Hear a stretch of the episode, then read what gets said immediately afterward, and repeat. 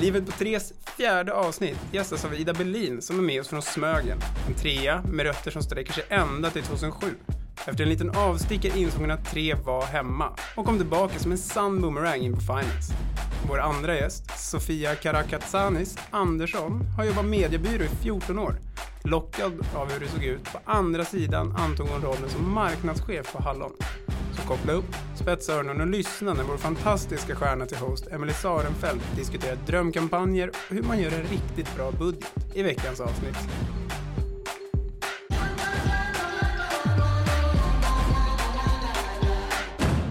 Varmt välkomna till dagens avsnitt av Livet på tre och extra varmt välkomna till Sofia och Ida. Tack så mycket. Tack så mycket. Ida, hur känns det att vara här? Jo, men det känns bra. Det är lite pirrigt bara. Det förstår jag, men det ska också vara lite pirrigt. Visst nämnde du att du kände igen den här pirriga känslan från någonting annat tidigare i livet? Ja, men precis. Det känns lite som när man pluggade på universitetet och skulle gå upp och hålla ett föredrag för hela studieklassen. Jag förstår, när man var lite nervös och började handsvettas lite. Exakt. Sofia, hur känns det för dig? Men det känns bra. Jag håller med Ida. Det är lite pirrigt men också väldigt, väldigt spännande. Så ja, jag är jättetaggad. Superkul att ha er här båda två. Vi eh, jobbar ju allihopa på både Tre och även Hallon då som är en del utav Tre såklart. Eh, men det som vi alla verkligen har gemensamt är ju att vi jobbar med kunder. Och eh, som ni säkert vet som eh, är med i podden idag och även ni som lyssnar så brukar vi ha med ett segment som kallas för kundsamtalet. Och eh, det har vi ju med såklart i dagens avsnitt med. Så att jag tänker att eh, du Ida ska få äran att ta emot eh, dagens kundsamtal. Hej! Jag har företagsabonnemang hos er. Eh, nu har jag fått min första faktura för Apple Watch på delbetalning. Den är jättehög. Hur kommer det sig? Det kan vara så att eh, jag skulle behöva veta när du har tecknat ditt abonnemang. Om det är så att du har tecknat det mitt i en månad så blir du eh, fakturerad för dels halva den perioden som du har haft abonnemanget men också för eh, nästkommande månad. Så det kan vara därför den är lite högre. Men jag skulle behöva mer information för att ge dig ett eh, korrekt svar. Snyggt! Och eh, helt rätt. Det, eh, ibland så blir fakturorna lite högre just på grund av att det beror på när man tecknar abonnemanget. Eh, och sen även i det här fallet så är det ju även med en Apple Watch. Och även då blir fakturan lite högre på grund av bland annat momsen. Men superbra skött Ida! Vad tycker du Sofia? Hur gick det för Ida? Ja, men jag är imponerad. Verkligen jättebra jobbat. Man, eh, nu vet jag inte riktigt vad Ida jobbar med, men man skulle kunna tro att hon jobbar på kundservice. Det har jag faktiskt gjort. Det leder oss lite in på, på att prata om just den delen. Vi behöver ju såklart lära känna varandra och veta vad vi, vad vi jobbar med. Men jag tänker Sofia, du nämnde att du inte riktigt vet vad Ida jobbar med. Men kan inte du försöka beskriva hur du tror att hennes jobb ser ut? Ja, um... jag, eh, jag vet ju vilka Ida jobbar med, så att jag kan ju gissa mig till att eh, Ida jobbar mycket med Excel, försöker hålla reda på alla delar av våra ekonomiska flöden och eh, resultatet. Hon försöker nog hålla koll på alla budgetar och CPOer och kan nog få tjata på sådana som jag som kanske shoppar lite för mycket ibland. Det tror jag att Ida gör. Ida, stämmer det som eh, Sofia berättar? Ja, men eh, det stämmer ganska bra. Eh, Däremot så jobbar inte vi så mycket med CPO just, men jag vet att man gör det på Hallon. Vi använder mer vanliga eh, PO och så, men jag skulle säga att det beskriver min roll rätt bra. Mycket Excel, mycket finansiella analyser och mycket ute i verksamheten och stötta verksamheten i att ha bra finansiella beslut egentligen. Ida, kan inte du berätta vad du tror att eh, Sofia jobbar med? Ja, eh, jag tror att eh, Sofia jobbar med marknadsföringen och hemsidan för Hallon. Hon är med och tar fram kommunikationskoncept ut mot kund, är med och eller styr hur eh, kommunikationen kring kampanjer ska se ut, hur hemsidan ser ut och, och så vidare. Det är vad jag tror. Sofia, stämmer det eller har Ida missat någonting? Ja, det stämmer jättebra. Det är, eh, ja, det är liksom hisspitchen på vad jag gör på dagarna. Så helt rätt. Kul! Väldigt spännande roller båda två. Och jag är väldigt eh, taggad på att få höra mer. Och eh, jag vet om det var du där Sofia som nämnde lite CPO och PO. Och eh, det här kanske är lite förvirrande termer, i alla fall för mig. Så att jag tänker att vi behöver göra det här lite tydligare.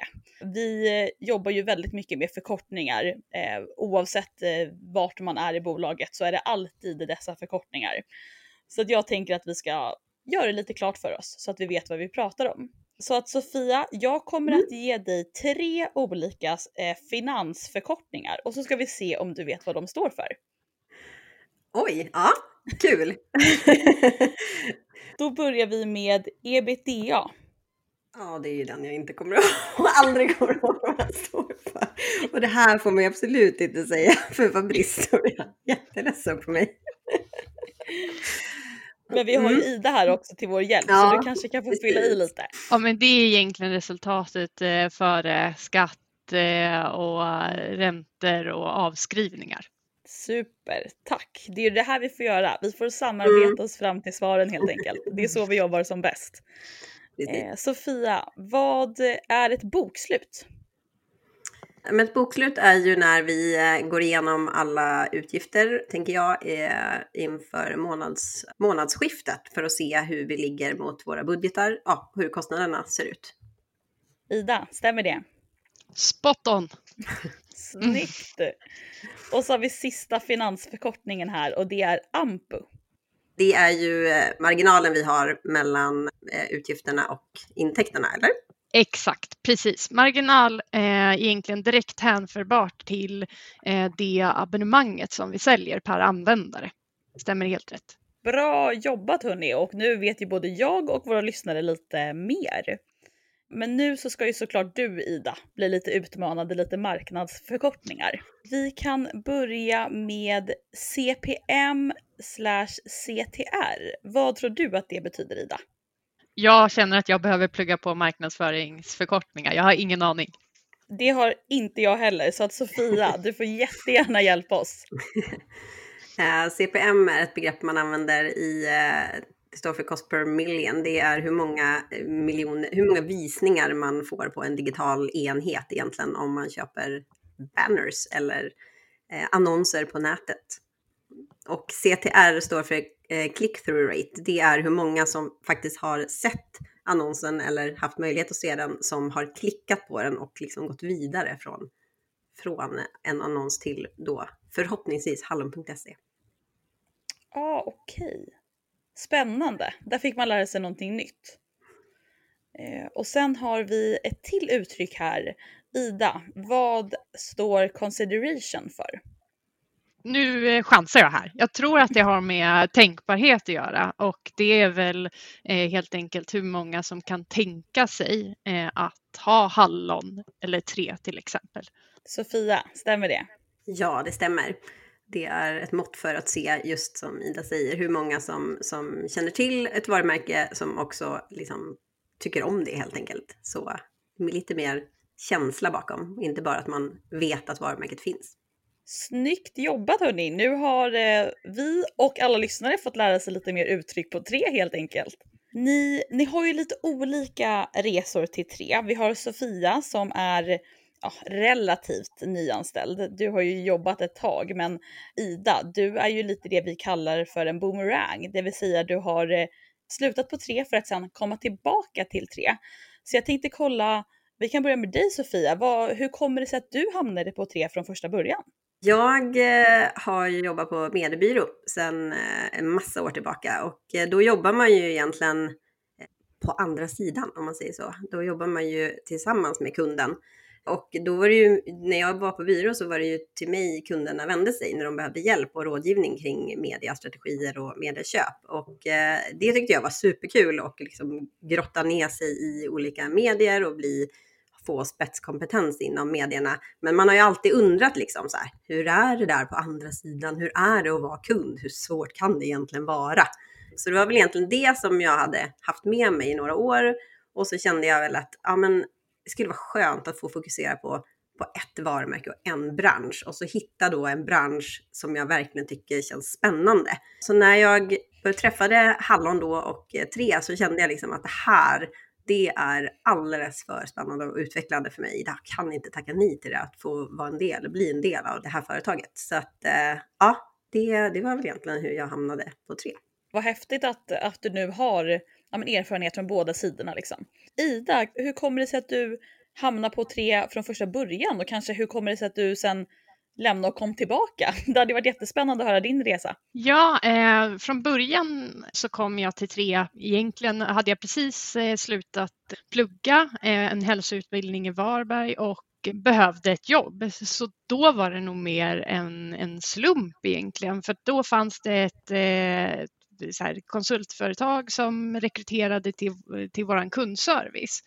Och på så vis så kom jag eh, in på Tre och sen eh, blev jag fast anställd av Tre och så fick jag eh, väldigt bra möjligheter eh, att eh, men jobba inom olika avdelningar som taktisk planering, mer schemaläggning och, och den biten. Så, så, så kom jag in på tre och stannade ganska länge då på tre. Sen anledningen till att jag kom tillbaka igen. Det är väldigt mycket drivet av eh, kulturen på företaget, det vet ju ni också. Det är en öppen kultur och en väldigt snäll kultur i kombination med att det är resultatfokuserat. Det tilltalar mig jättemycket. Och sen är det också en väldigt det som också jag tycker är så himla bra med tre är att det finns att folk finns bara en armlängd ifrån en. Nu befinner vi oss ju inte på kontoret på grund av eh, pandemin, men eh, när vi är där så eh, har vi väldigt nära till varandra för att alla är i ett hus. Och det tycker jag ger väldigt bra förutsättningar för att göra ett bra jobb och för att behålla den här bra stämningen och kulturen som finns på Tre. Nej men jag håller, jag håller verkligen med. Eh, och det är ju så himla spännande att vi alla jobbar tillsammans. Vi är så många personer som sitter under, under samma tak egentligen och, och jobbar tillsammans och att vi på kundservice också sitter i det här huset. Det är också väldigt, eh, väldigt speciellt då kundservice ofta kan sitta på andra delar i landet, men vi sitter faktiskt allihopa tillsammans. Och det är ju inte bara ni utan flera som har nämnt just kulturen på tre när vi pratat i den här podden och hur härliga våra kollegor är och vilket härligt samarbete vi har. Eh, men jag skulle också vilja kolla mer, i och med att ni båda har jobbat på eh, andra arbetsplatser, så skulle jag vilja kolla om ni känner att ja, men det finns ändå lite saker Tre skulle kunna göra bättre som arbetsgivare eller arbetsplats, om ni har lite inspiration från tidigare ställen ni har varit på. Sofia, har du någon sån reflektion? Nej, men jag tycker ju att Tre är en fantastisk arbetsplats. Jag trivdes väldigt bra på mitt förra jobb. Jag hade förmånen att, att göra det. Och det var ju Tres eh, företagskultur var ju någonting som jag som gjorde att jag valde att lämna någonting som jag ändå tyckte om för att jag kände att den passade mig. Så att för mig så känns det som att eh, Tre är en bra arbetsplats och det enda jag kan tänka på när jag har funderat lite grann det är ju jag kommer från mindre arbetsplatser och det finns för och nackdelar med det såklart också. Men det som kan vara lite svårare på tre, just att vi är så många, vi är en stor arbetsplats, det är ju att det är ganska svårt att, att lära känna varandra utanför de direkta teamen som man inte jobbar med. Och nu har vi ju sett för att göra det, till exempel att vi sitter här och pratar. Annars kanske inte jag och Ida hade pratat så mycket, även om vi hade varit på kontoret, att vi är så många. Men eh, ja, det tror jag har, det har varit lättare för mig på tidigare arbetsplatser att liksom knyta an till andra, andra arbetsgrupper eh, än vad det har varit på tre. Nej, jag förstår. Jag håller helt med dig i det att vi är så himla många och eh, jobbar med så många olika saker fast vi alla jobbar mot samma mål såklart. Men då blir det ju lite svårare att, eh, att kanske få till den här lite avslappnade kaffepausen eller lära känna varandra på det sättet utöver just kanske samarbete kring kundärenden eller rutiner som vi behöver jobba på. Så att det kan jag mm. verkligen förstå. Där är det jättehärligt att, att du nämner att eh, podden bryter lite is där till exempel, eller alla andra sociala medier som vi har tillgång till. Så det tycker jag verkligen att man ska utnyttja egentligen och kontakta kollegor, finnas på sociala medier så att vi kan eh, hålla kontakten på det sättet egentligen. Ida, har du någon reflektion som du känner att det här skulle Tres kunna göra bättre som arbetsgivare eller arbetsplats?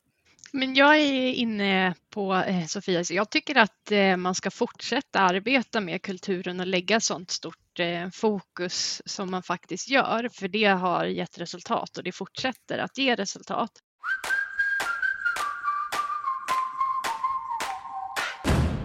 Precis som ni har nämnt så jobbar vi ju inte från kontoret idag utan vi jobbar ju från våra egna hemmakontor. Och vi är ju väldigt många, eller nästintill alla, som längtar tillbaka till trehuset. Och eh, det är inte lika roligt att vara hemma egentligen. Men vad, vad känner ni är den tråkigaste delen med att vara hemma? Man pratar ju ofta om hur man kan göra det bättre och roligare. Men om vi ska vara lite ärliga, vad är egentligen den tråkigaste delen? Vad känner du Ida? Ehm, den trå absolut tråkigaste delen är ju att att eh, just det som eh, Sofia pratade om tidigare, att man inte får kontakt med andra team. Nu möter man inte folk vid eh, kaffemaskinen. Man ser inte de man pratar med på IT om man behöver hjälp med datorn. Så det blir betydligt mindre liksom, social kontakt, det tycker jag. Och i kombination med att man får ingen gratis motion utan all motion får man kämpa för och den är så pass viktig, framför allt nu under det här mörka halvåret. Så det tycker jag. Ja, nej jag förstår verkligen hur du menar där att nu blir det så här, ja då måste jag gå ut och ta den här extra långa promenaden på lunchen. Man får ju inte ens promenaden till tunnelbanan nu för tiden. Förut kanske man hade säga, jag har sån stegräknare på klockan och då när man kom hem förut så hade man så här 7000 steg och hade, kände att man inte hade gjort någonting.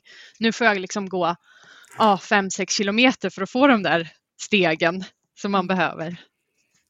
Ja, exakt. Sofia, vad känner du? Håller du med Ida eller har du någon annan del som du känner är den absolut tråkigaste delen?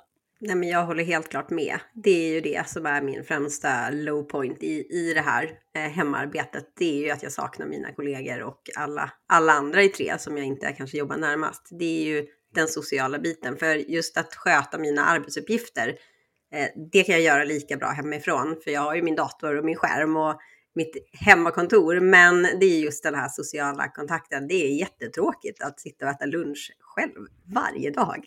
Men eh, vi har försökt i min, i min nya vardag försökt att hitta hitta nya kollegor då i mina grannar. Så eh, för att få den här promenaden varje dag och komma ut och liksom få prata med med andra vuxna och träffa folk så, så har vi nästan varje dag walk and talks i, i grannskapet där vi ses vid skolan när man har lämnat barnen. Eh, och så tar vi en, en runda på morgonen och pratar pratar det mesta, väder och vind, pratar om eh, mycket var det kring valet i USA här för några veckor sedan. Vi kan också diskutera detalj, inte, inga detaljer såklart kring jobbet, men om man står inför utmaningar kring ledarskap på distans och liknande saker som man kanske kan eh, där man kanske kan ha liknande utmaningar även om man jobbar med helt olika saker. Så att jag har liksom hittat nya kollegor i mina grannar för att få den här, för att få lite social kontakt på dagarna. Det är ju verkligen ett jättebra tips att, eh, att walk and talks, det funkar ju även med, med grannar som man kanske kan ändå gå bredvid fast utomhus och på avstånd liksom. Så att det är ett superbra tips. Sen tycker ju jag också att det är så tråkigt att man inte får använda sina fina kläder. Det här kanske låter jättelöjligt, men jag älskar ju kläder och smycken och allt vad det innebär. Och jag tycker att det är så himla kul att klä sig till jobbet och nu gör man inte det på samma sätt för att jag vill ju jag vill ju ändå ha på mig något bekvämt när jag ändå får vara hemma. Så det tycker jag är supertråkigt. Jag håller med och man kan ju se också alla, jag som jobbar med marknadsföring ser ju hur alla stora klädmärken nu lanserat sådana här leisure wear där man ska köpa lite så här finare myskläder att ha hemma. Och jag kan tänka mig att hemmakontoren har bidragit till det. Det finns ju så många olika företag som gör marknadsföring på tv, sociala medier och alla olika kanaler. Finns det, finns det något företag eller någon kampanj som du tycker har stuckit ut och känt liksom fy satan vad bra det här var. Och det behöver inte vara tre eller hallon utan jag tänker någon annan eh, marknadsföring som du tycker stuckit ut. Ja, men hallon är ju såklart fantastisk eh, eh marknadsföring. Det måste jag ju säga. men eh, nej, men det, det, är ju en jättesvår fråga eh, såklart. Där är man ju väldigt olika i hur man tar emot eh, reklamen. Men jag är personligen väldigt svag för kampanjer där man verkligen har grottat ner sig i att försöka förstå målgruppen. Vem är det man vill nå? Och där man använder alla mediers styrkor på bästa möjliga sätt. Där man, man liksom har ett 360-tänk. Så du får in helheten i röd, eh, och en röd tråd så från första annonsen till kanske eh, att du gör ett utskick som, som går i linje med allting annat. Och sen är det alltid bra om man trycker, kan man trycka på lite känslor. Det, det brukar vara en bra ingrediens. Något exempel. Jag gillar Klarnas Smooth-kampanj. Eh, där har man verkligen tänkt utanför boxen, tycker jag. Och man har använt medierna liksom på ett alla olika medier på ett, ett väldigt bra sätt och innovativt. Sen så vet jag också att de tog ut från, från eh, att de bokade upp eh, Snoop Dogg till och hade de här rosa fluffiga annonserna i tv så hade de också i rosa fluff i kuverten när du fick liksom utskicket eh, hem i brevlådan. Så då har de verkligen tagit allting genom hela kundresan. Det tycker jag är supercoolt. Och sen gillar jag också en, eh, jag tror att det är en gammal IKEA-kampanj som kallades Där livet händer. Där man liksom plockar situationer i livet, mitt i livet där IKEA liksom på något sätt kan bli en naturlig del men också hjälpa till. Ehm, det är ändå två eh, kampanjer som jag har uppmärksammat och företag som jag tycker gör bra saker. Jättespännande att höra ditt tänk i och med att det är ju, är ju mer genomtänkt medan jag som en konsument som bara konsumerar marknadsföringen tänker oj men det där kan vara lite roligt eller det där var snyggt gjort eller de hade snygga kläder. Men det är ju så mycket mer som ligger, som ligger under det som gör att man faktiskt fastnar för reklamen. Och Ida, vi har ju pratat lite om, eh, ja men tidigare nämnt här att eh, Sofia och hennes gäng kanske spenderar mer pengar i och med att eh, de köper in marknadsföring och eh, så vidare. Medan din arbetsuppgift är ju lite att se över, eh, se över budgetarna egentligen vi har och se till att de hålls. Är det svårt att se över en budget och hela tiden se till att den hålls eller hur, hur funkar det egentligen? Ja, hur det funkar det är egentligen så att eh, det är ju verksamheten tillsammans med mig som lägger budgeten eh, och det är ju från inputen från alla eh, chefer på kundservice som vi får en, en budget. Så det är ju det är inte bara jag, men jag är, jag är personen som strukturerar upp processen och Eh, eh, driver processen framåt. Och det är supersvårt, det vet man ju själv, att titta ett år framåt och så ska man säga vad som kommer hända, vilken försäljning vi kommer ha, hur mycket samtal kommer vi få in på kundservice. Det är ju jättesvårt. Vem hade kunnat förutse att världen skulle drabbas av corona för ett år sedan? Det, det var ju ingen. Så det är faktiskt jättesvårt. Är det något man kan vara säker på när man lägger en budget så är det att den aldrig kommer stämma till, till 100 procent. Ehm, men det är väldigt roligt för man får ju också insyn i eh, planer, det strategiska arbetet framöver för att det finns ju ändå en plan för ett år framåt. Det är väldigt spännande och det, det tänker man nog inte på. Eller jag kan ju kanske, jag kan ju i och för sig bara tala för mig själv som chef på kundservice, men man tänker ju inte på att den här budgeten som jag sitter och jobbar mot nu, den är ju planerad för så länge sedan utifrån en prognos som man förväntade sig liksom. Så att det är ju väldigt häftigt när man tänker på det. Precis, sen kan jag också tillägga att vi lägger en budget och sen så kvartalsvis så revideras det här med en, med en prognos. Och det är ju för att vi också ska hålla våra ägare uppdaterade med, med aktuell data för kommande månader framöver. Så att vi mäts alltid mot budget och budget är det vi strävar mot men vi reviderar den i alla fall och håller våra ägare uppdaterade på den finansiella bilden som är nu. Och visst är det som så då att man tänker att vi ska sälja så här mycket för att då tjänar vi så här mycket pengar. Och sen är också samtalen och allting det också i, i pengar. Liksom för att för oss på kundservice är ju allting med i siffror. Att vi ska ta så här många samtal och vi ska sälja så här många abonnemang till exempel. Men, eh, men för, för dig och i ledningsgrupp så är det ju mer att man pratar om pengarna, eller hur?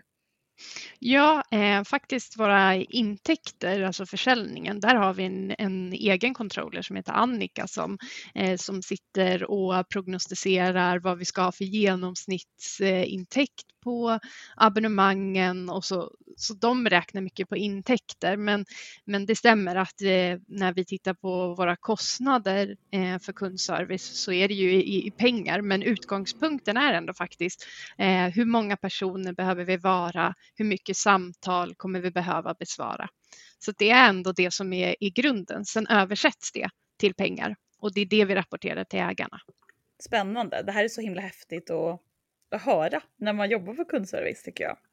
Vad, vad tycker du är det roligaste med, eh, med att jobba eh, ja, men med finans och i din position? Vad tycker du är det roligaste?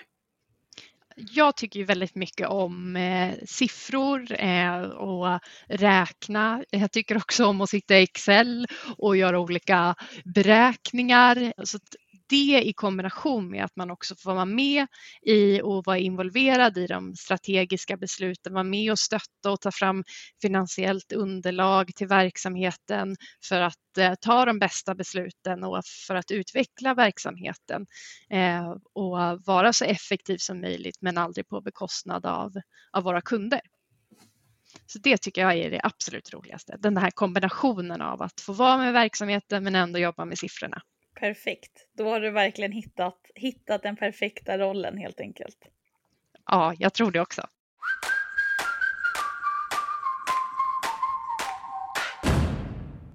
Nu kommer vi gå in i ett eh, segment som vi kallar för Hänt eller inte hänt. Och eh, här får ni såklart samarbeta er fram till ett svar.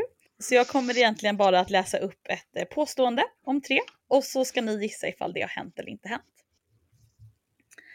Året är 2007 och Tre har lanserat i samarbete med Islamiska förbundet så har de lanserat Koranen för mobilen. Det är en tjänst som innehöll Koranen som man kunde få uppläst på arabiska samt böner fem gånger om dagen och en bönekalender med lokala tider och det här skulle då vara en tjänst för alla som inte hade tillgång till en moské eller en eh, bönelokal. Har det här hänt eller har det inte hänt? Oj, ja, det, det lät ju som en väldigt bra eh, funktion att, att eh, kunna erbjuda sina kunder. Men om det har hänt, det... Ida, kommer du ihåg det här? Jag minns faktiskt inte det här. Jag började dock i mars 2007 eh, så det kan ju ha hänt innan dess men jag tror inte och när jag tänker tillbaka på vad man hade för mobiltelefoner då mm. så är jag inte säker på att det kanske var den utvecklingen som krävdes utan eh, ja, jag är lite skeptisk. Det är däremot en bra, bra grej eh, och bra funktion om det fanns. Då blir jag imponerad. Ja, men jag håller med och jag tänker att jag jobbade inte på tre då, men jag jobbade ju på, på byrå. Så att det känns som någonting jag borde ha snappat upp i eh, branschmedia om inte annat. Så att, eh, ska vi gissa att det inte har hänt? ja, du? jag tror det. Det har inte hänt. Det här har faktiskt hänt. Är det eh, sant? Vi har, vi har erbjudit den här tjänsten och det var spännande där. Eh, visst var det du Ida som nämnde det här om telefonen och utvecklingen då? Ja. Eh, för precis som, ni, eh, som du var inne på där så var ju inte smartphones riktigt etablerat i Sverige just då. Men det var därför också var så häftigt att Tre lanserade det här Därför att Det var en, eh, ja, en väldigt enkel tjänst som gick att använda i en mobil som hade en webbläsare eller någon mediespelare. Vilket eh, var ju lite revolutionerande ändå. Härligt hörni, vi, eh, vi börjar närma, närma oss slutet av den här podcasten. Jag eh, är ju som vanligt så extremt taggad på att veta vilken låt ni två har kommit fram till att ni vill avsluta med. Skulle inte ni kunna berätta vilken låt ni har valt? Vi bollade lite fram och tillbaka här Ida och jag och eh, kom fram till en låt som eh, vi båda kände, dels känner igen såklart, men också eh, tyckte om. Jag gillade att den här låten har en lite, att, den har funnits med i en av alla våra reklamfilmer. Och Ida, du eh, hade ju en, en eh, ytterligare take på den här låten.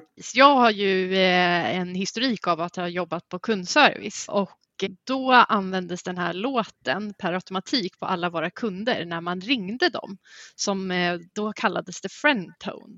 Och låten som vi har valt är Three is the magic number. Härligt hörni, på tiden att någon väljer den låten tycker jag. Då kommer vi att runda av dagens avsnitt. Tack så jättemycket Sofia och Ida för att ni gästade podden. Tack så mycket. Tack själva. Och eh, tack så jättemycket till er som har lyssnat. Som vanligt så finns vi på Instagram under namnet livet på tre. Då avslutar vi med Three is a magic number. Ha en superhärlig dag. The past and the present and the future Faith and hope and charity The heart and the brain and the body give you three as a magic number. It takes three legs to make a tripod or to make a table stand. It takes three wheels to make a vehicle called a tricycle. Every triangle has three corners, every triangle has three sides, no more, no less. You don't have to guess.